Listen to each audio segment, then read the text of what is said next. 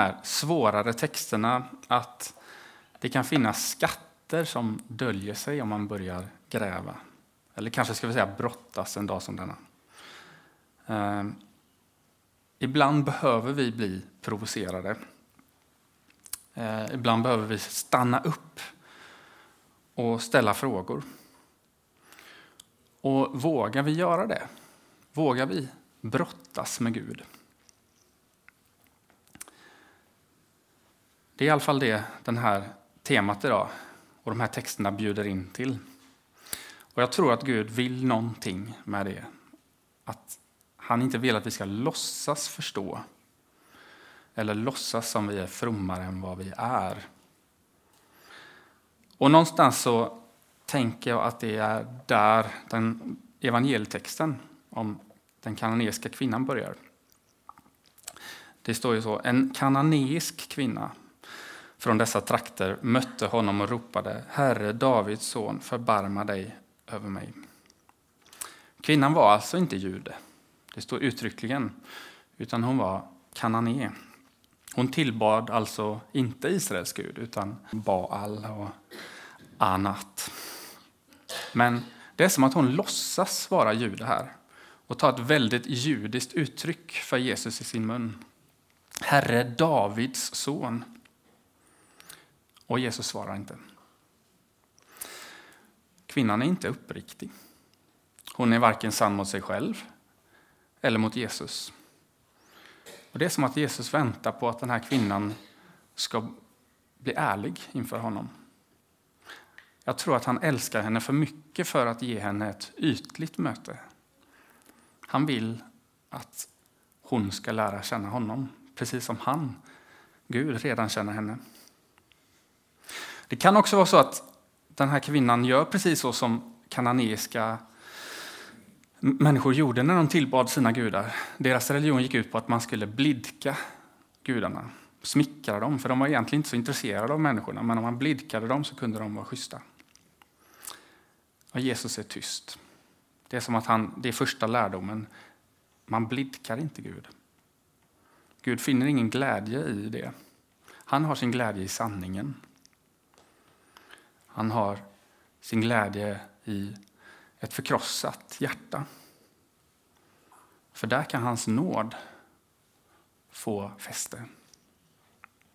Det är bara i sanningen som nåden kan förvandla oss. Sen Jesu tystnad här, att han inte svarar, är för oss ganska, kanske en ganska främmande bild av Jesus. Men eh, faktiskt så är det nog egentligen vad den här kananeiska kvinnan förväntade sig. Det var så judar ofta kananéer på den här tiden. Man pratade inte med dem och kanske istället slängde ut sig något nedlåtande. Och så gjorde man gentemot varandra. De olika, alltså kananéerna gjorde det mot judarna och judarna mot kananéerna. Så även om vi inte känner, in, känner igen Jesus här så hade den här kvinnan kanske inte räknat med, men hon hoppades ändå. Hon försökte blidka Jesus. Lärjungarna var också vana vid det här förhållningssättet och, och säger till Jesus, skicka iväg henne. Men då börjar Jesus tala till kvinnan. Jag har inte blivit sänd till andra än de förlorade fåren av Israels folk. Jesus bjuder nu in henne till ett samtal. Hon har kallat honom Davids son utan att vara jude. Och Det är som att Jesus tar tag i den tråden och säger ja, jag är Davids son och som sådan är jag sänd till judarna. Och du är väl inte jude, eller hur? Men då kommer hon fram och faller ner på knä. Och så skippar hon alla de här religiösa fraserna och bara säger Herre, hjälp mig. Och då tänker man, nu borde väl Jesus ge henne rätt när hon kommer och med sitt egna enkla språk bara ber om hjälp. Men då kommer det här jobbiga tilltalet från Jesus. Det är inte rätt att ta brödet från barnen och kasta det åt hundarna. Jag tror att det är okej okay att bli arg på Gud. för att han svarar så här. Men vi kan också någonstans börja gräva lite där och, och se vad är det som ligger bakom.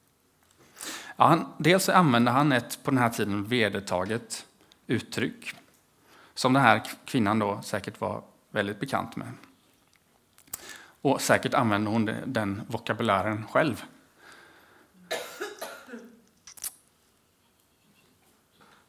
Men, och, och Gud han gör ju så, han talar på våra språk. Det är ett sätt att visa att han känner oss. Men så står det också så här att Gud sänder inte ut sitt ord eh, utan att det ska bära frukt. Alltså han vet vad han vill när han säger som han gör. Han vill någonting med de här orden. Han visste att kvinnan inte skulle ge sig så lätt.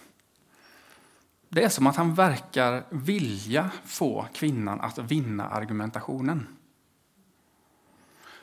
Och hon gör det. Hon påpekar men hundarna äter ju smulor som kommer från barnens matplats. Och så säger Jesus, din tro är stark, du får som du vill. Och Det är min första underrubrik i den här predikan. Gud kan låta oss vinna för att få oss att kapitulera inför hans nåd. Eh, jag tror att Gud ibland gör så. Lite som en förälder som ibland låter sin treåring få som hon vill när hon ska knyta skorna. Till exempel. Jag kan själv! Och Det hjälper inte att hålla på och argumentera. Nej, det kan du inte. Jag får hjälpa dig. Kan själv! Det är bättre att säga okej, okay, du, får, du får göra själv.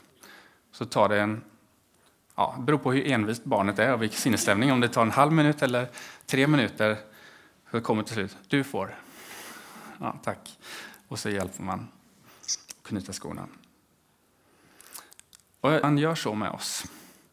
Att han låter oss vinna en delseger för att han vill hjälpa oss. Men vi liksom ger honom inte möjligheten förrän vi har fått nå vår yttersta gräns. Det är det här med nåden som vi har svårt för. Och om vi då hoppar till GT-texten och Jakobs brottningsmatch så är det som att universums skapare och herre, den allsmäktige guden, låter Jakob framstå som den starkare. Det är ganska stort ändå. Det är Gud som till slut säger släpp mig. Med andra ord, du har vunnit, jag ger mig. Jakob som alltid velat vinna hela sitt liv. En vinnarskalle i klass med Zlatan. Gud ger honom det. Han får till och med besegra Gud i en brottning.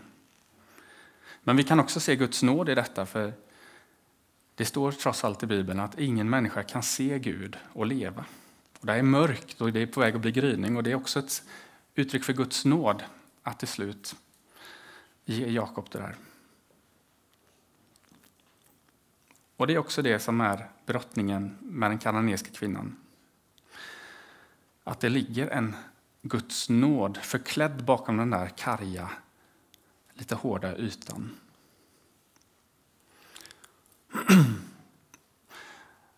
När jag hade min allra första högmässa som nyvigd präst kan ni gissa vilken evangelietext jag fick att predika? Den kananesiska kvinnan, hunden.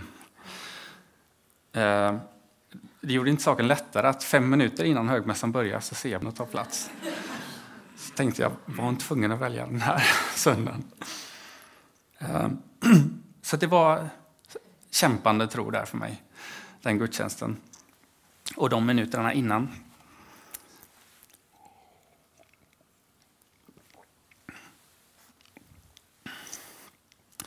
Och jag minns hur jag stångades med den här texten första dagen jag tittade på den. Jag tror det var onsdagen innan gudstjänsten. Här. Och eh, vad gör jag av den här texten? Eh, jag tror att jag hade skrivit ungefär en rad, en inledande rad, när jag till slut packade ihop och skulle sätta mig på cykeln och cykla hem. Och cykeln har punka. En elcykel dessutom, tung, så jag fick gå en halv mil med eh, en elcykel med, med eh, paftdäck. Då. Och så kommer jag ner för en backe och så är det en bilväg. Så är det trottoar på båda sidorna. Och så ser jag på andra sidan, eh, på andra sidan vägen, på trottoaren, mot mig, så kommer en hund utan ägare, till synes. Alltså den bara... Det, så ser det inte ut i Sverige, så ser det ut i Mellanöstern ibland. Men vi ser alla de där herrelösa hundarna i Sverige. Väldigt märkligt. Och så närmar vi oss övergångsstället. Jag ska inte gå över, men jag ska liksom gå vidare. Och hunden kommer och stannar upp och så vänder den och går på övergångsstället över. Precis när jag kommer och så börjar den gå fot med mig. Så går vi så några hundra meter. Den bara spatserar där bredvid mig. Och jag upplevde det som att Jesus hjälpte mig igång med predikan. Att få mig att förstå, det är så här jag gör. Det var det här jag ville. med den här kvinnan. Hon var en herrelös hund. Och han började tämja henne. Han började göra henne till en tam hund som har en husse som älskar henne. Det var ingen enkel process, men han gav inte upp. Hon gav inte upp och hon lärde sig något om Gud, att man behöver inte blidka honom. Man behöver inte förställa sig, spela frommare. Hon hittade sitt egna enkla hjärtas språk. Herre, hjälp mig.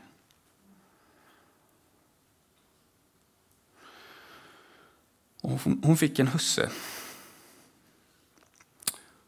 Och hon förstod också hur hon kunde bli hjälpt genom att erkänna att judarnas nåd är tänkt att spillas vidare till resten. Det är just syftet. Men det där med nåden är så svårt för oss, för mig, för dig också säkert. Man kan nog egentligen förklara hela syndafallet med ett enda ord. Ta. Det som Gud vill ge av kärlek har vi en tendens att försöka ta för att vi tror inte att Gud är så god. Och man kan nog förklara hela Guds rikes princip med ett enda ord. Få. Eller kanske två ord. Ta emot. Eller kanske fyra. Ta emot. Ge ut.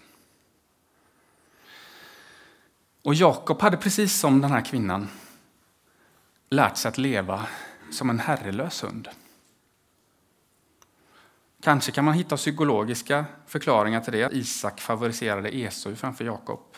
Han blev inte sedd av sin jordiske far. Och kanske var det det han överförde utan medvetenhet på Gud. Jag behöver klara mig själv. Samtidigt så längtar han efter den där välsignelsen att vara sedd, att vara älskad. Och Gud får tålmodigt tämja Jakob. Jakob som trots lögner och manipulationer ständigt är på flykt. Flykt från Gud, flykt från människor. Och det är ofta när Jakob är på botten, den mänskliga botten, som Gud på ett tydligt, starkt sätt möter honom. Det, det är två nätter där Jakob får tydliga gudsmöten. Det första är inte det som vi läste i texten, utan det här när Jakob på flykt från Esau, han har snott Esaus förstfödslorätt och han har lurat sin pappa Isak som var blind och sagt det är jag som är Esau, kan du välsigna mig? Och Jakob får fly för Esau vill ha ihjäl honom. Och på en natt då, på flykt, så möter han Gud i en dröm som säger så här. Din avkomma ska bli som stoftet på jorden och du ska utbreda dig åt väster, och öster, och norr och söder och genom dig och din avkomma ska alla folkslag, även den kananeiska kvinnan, på jorden bli välsignade. Och se, jag är med dig och ska bevara dig vart du än går och jag ska föra dig tillbaka till detta land. Jag ska inte överge dig in till dess att jag har gjort vad jag har lovat dig. Bara nåd till en Jakob som har lurats och svikits. Och Jakob förstår. Han reser en sten och kallar platsen Betel. och säger så här. Herren är verkligen på denna plats och jag visste det inte. Han greps av fruktan och sa, hur helig är inte denna plats? Det måste vara Guds boning. Ja, här är himlens port.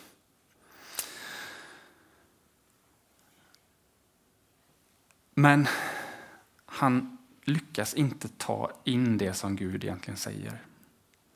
Det här med nåden som han i det skedet i livet visste att jag inte förtjänat det här. Han kunde inte ta till sig den kärleken och nåden. Då var det lättare att projicera det på platsen. Hur helig är inte denna plats? Och så kallar han platsen Betel och han reser en sten. Men Gud säger ingenting om den platsen. Lyssna på vad Gud säger. Din avkomma ska bli som stoftet på jorden och du ska utbreda dig och genom dig och din avkomma och jag är med dig och vart du än går. Du, du, dig, dig, jag är med dig vart du än går. Och ändå så kan Jakob inte ta till sig det. Så han säger den här platsen är helig. Och så säger han så här, han börjar förhandla med Gud. Om Gud är med mig och bevarar mig under den resa som jag nu gör och ger mig bröd att äta och kläder att ta på mig och jag kommer tillbaka till min fars hus, då ska Herren vara min Gud. Lite som en nutida, modern 2024-människa. Okej okay, Gud, om du gör det här och det här, det här för mig, då kan du få vara min Gud. Och Jakob han talar inte ens till Gud, så det förstärker det här att han har ingen relation. Han tror att Gud finns. Men han, Gud är inte hans Gud.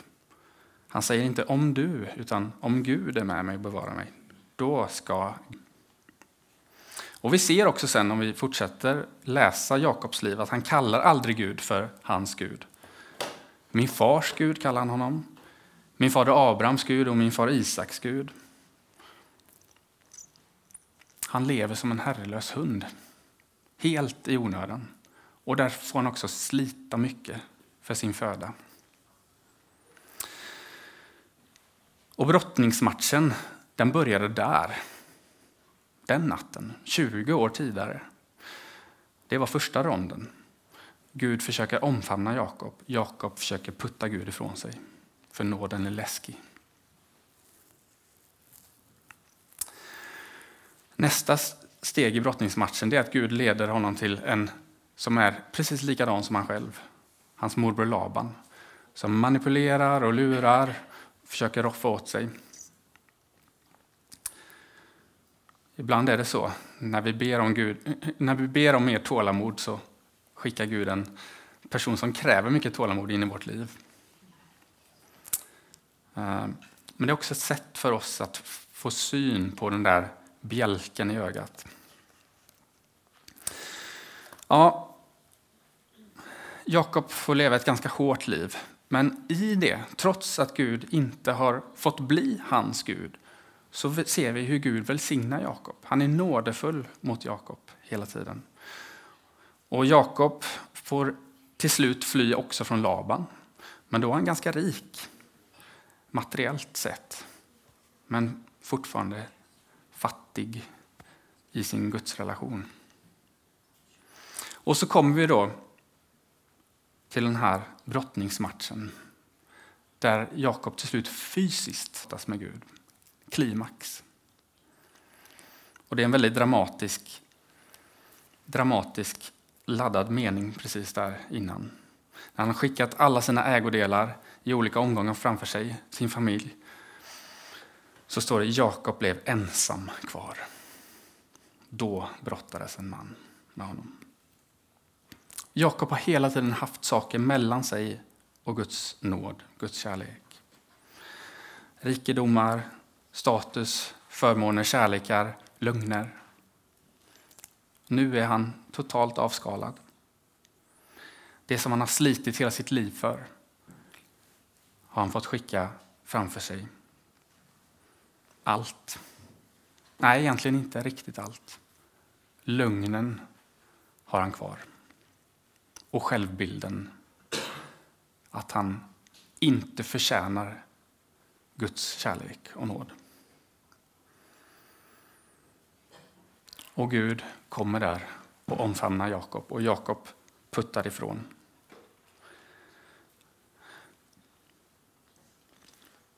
Gud ser vad det är Jakob egentligen innerst inne längtar efter, den här välsignelsen som han inte kan ta emot, för den heter nåd. Men det är som att när Gud till slut måste slå honom på höften så är det faktiskt ett svar på Jakobs bön Välsigna mig. Och det är också det Jakob till slut utbrister. Jag släpper dig inte förrän du välsignar mig. Och så kommer frågan. Vad är ditt namn då? För sist du ville få välsignelsen, då var det också mörker för din far. Och du försökte lura till dig den välsignelse som jag alltid har velat ge dig från den dagen du föddes. Nu är det återigen mörkt. Han brottas i mörkret med sin riktiga far. Och nu är han sann. Jag är Jakob, som betyder jag är den som luras, jag är den som bedrar, jag är den som tränger undan, betyder det namnet. Och då säger Gud, du ska inte heta det längre. Du ska heta Israel, för du har kämpat med Gud och människor och segrat. Segern kom när han vågade bekänna sin synd. Men också när han vågade vara precis den han var inför Gud.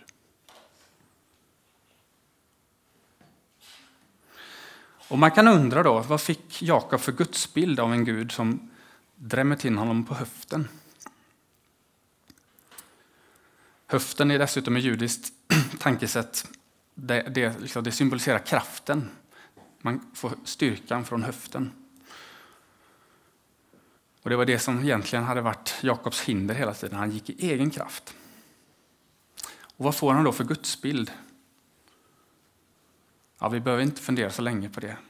För att det är bara några verser fram så får Gud i Jakobs mun vara hans Gud.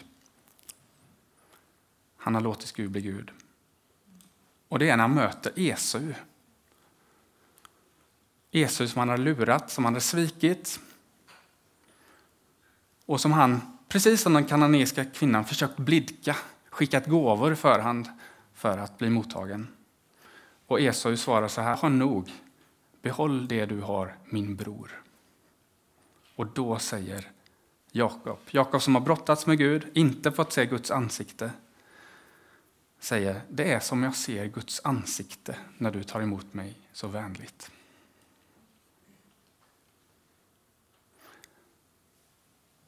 Äntligen hade han tagit emot nåden, vågat ta den till sig. Och då kunde han se att Gud är med hela tiden. Och Gud är nådefull.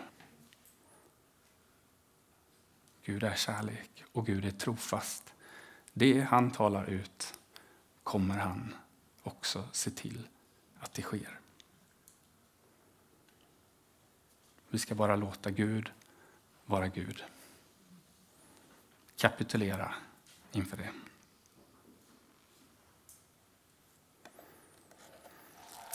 Vi ber.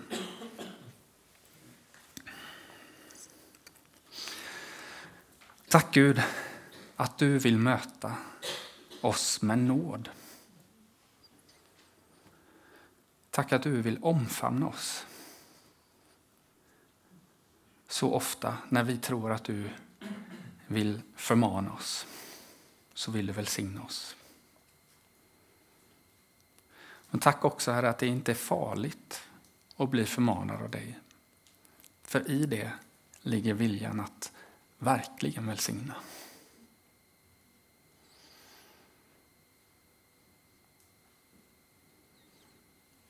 Så vi ber för alla här inne som just nu går den här brottningsmatchen i livet. Tack att du vill välsigna och förlösa den du alltid sett i oss. Amen.